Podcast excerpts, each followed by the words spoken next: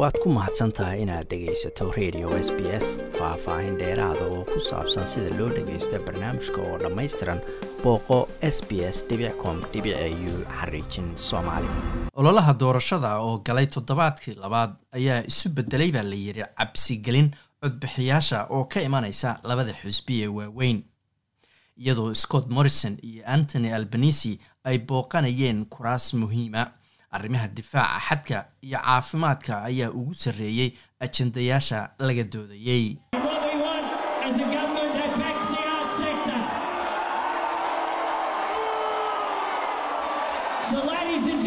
waxaannu doonaynaa waa dowlad taageerta fanka. Marka mudanayaal iyo marwooyin aan soo dhoweyno jimmy barns hogaamiyaha mucaaradka antony albanisi ayaa ka soo muuqday masraxa festival muusig habeenkii axadda ahayd. Siyaalo kala duwan ayaana loogu soo dhoweeyey masraxa. Isniintiina maer albanisi ayaa u safray waqooyiga dalka isagoo booqday deegaano ay daadadku dhibaatooyin u geysteen isagoo rajaynaya in loo soo dhoweeyo si ka fiican sidii loogu soo dhoweeyey festivaalkii muusiga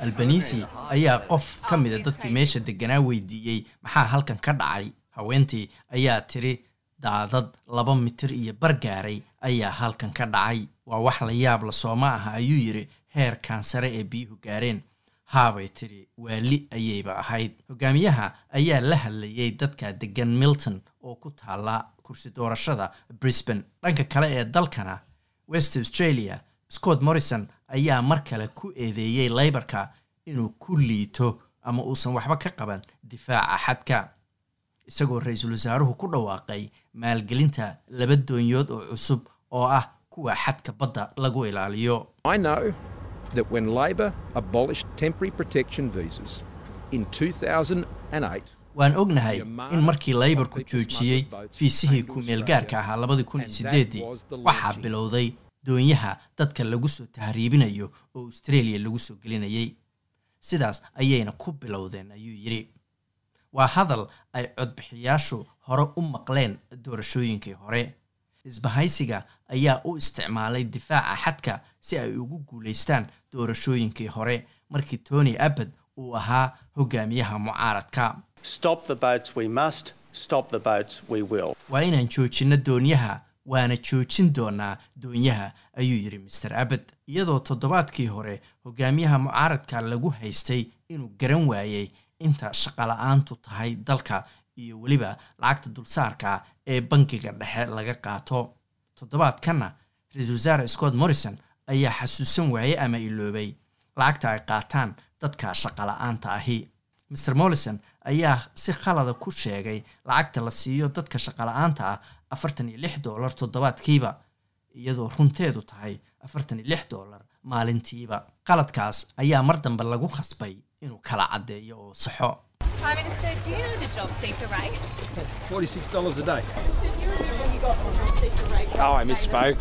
weriye ayaa weydiiyey ra'iisul wasaare ma taqaanaa hadda lacagta ay qaataan dadka shaqadoonka ahu? Morrison ayaa yidhi afartan iyo lix dollar maalintiiba. Weriye ayaa weydiiyey ra'iisul wasaare ma qiraysaa inaad qaladay lacagta ay shaqadoonku qaataan? Morrison ayaa ugu jawaabay afkaa iga boobay wax la khaldi karana ma aha waa wax iska cad ayuu yidhi. Talaadadiina ra'iisul wasaaraha ayaa ku adkaystay taageeradiisa musharaxad catherine deves oo isagu si shaqsiyana ugu magacaabay musharaxnimadeeda. Isagoo ra'iisul wasaaruhu aan dhag jalaq u siin baaqiyo uga imanayay xisbiga liberaalka ee new south wales oo doonaya in gabadhan laga qaado ama laga tuuro musharaxnimada kursigan ku yaalla magaalada sydney gabadhan ayaa lagu haystaa hadallo aan la jeclaysan oo ay ka sheegtay dadka jinsigooda bedela ee transgenderka la yidhaahdo oo ah matalan nin qalliin isku sameeyey oo haween markaasi isu bedelay iyadoo dooda gabadhan ay ka mid ahaayeen inaan loo ogolaan qof hore nin u ahaa balse haween isu bedelay inuu ka qayb qaato tartanka isboortiga ee haweenka.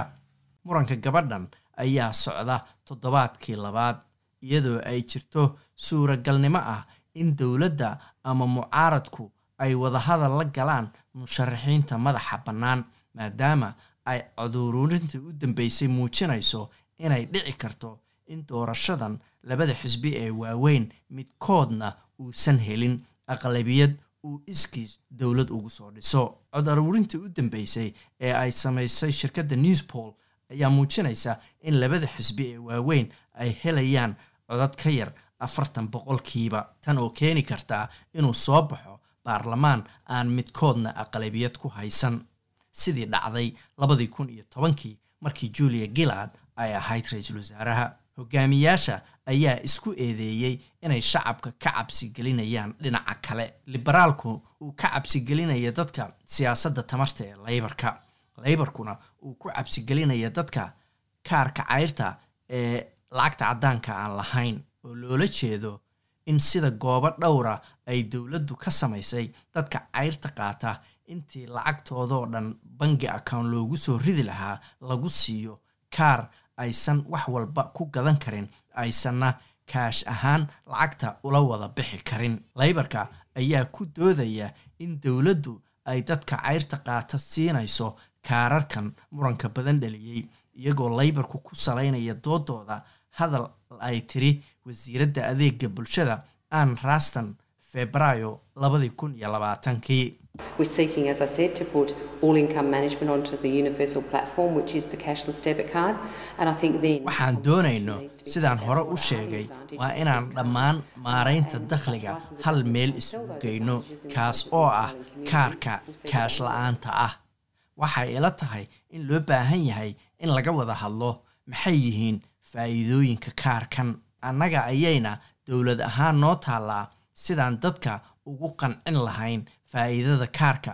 Annagoo rajaynayna in shacabka australia uu arko qiimaha kaarka ayay tiri wasiiradaasu labadii kun iyo labaatankii. Ra'iisul wasaaraha ayaase sheegay in laybarku ay bajinayaan ama cabsi gelinayaan dadka howlgabka ah ee cayrta qaata.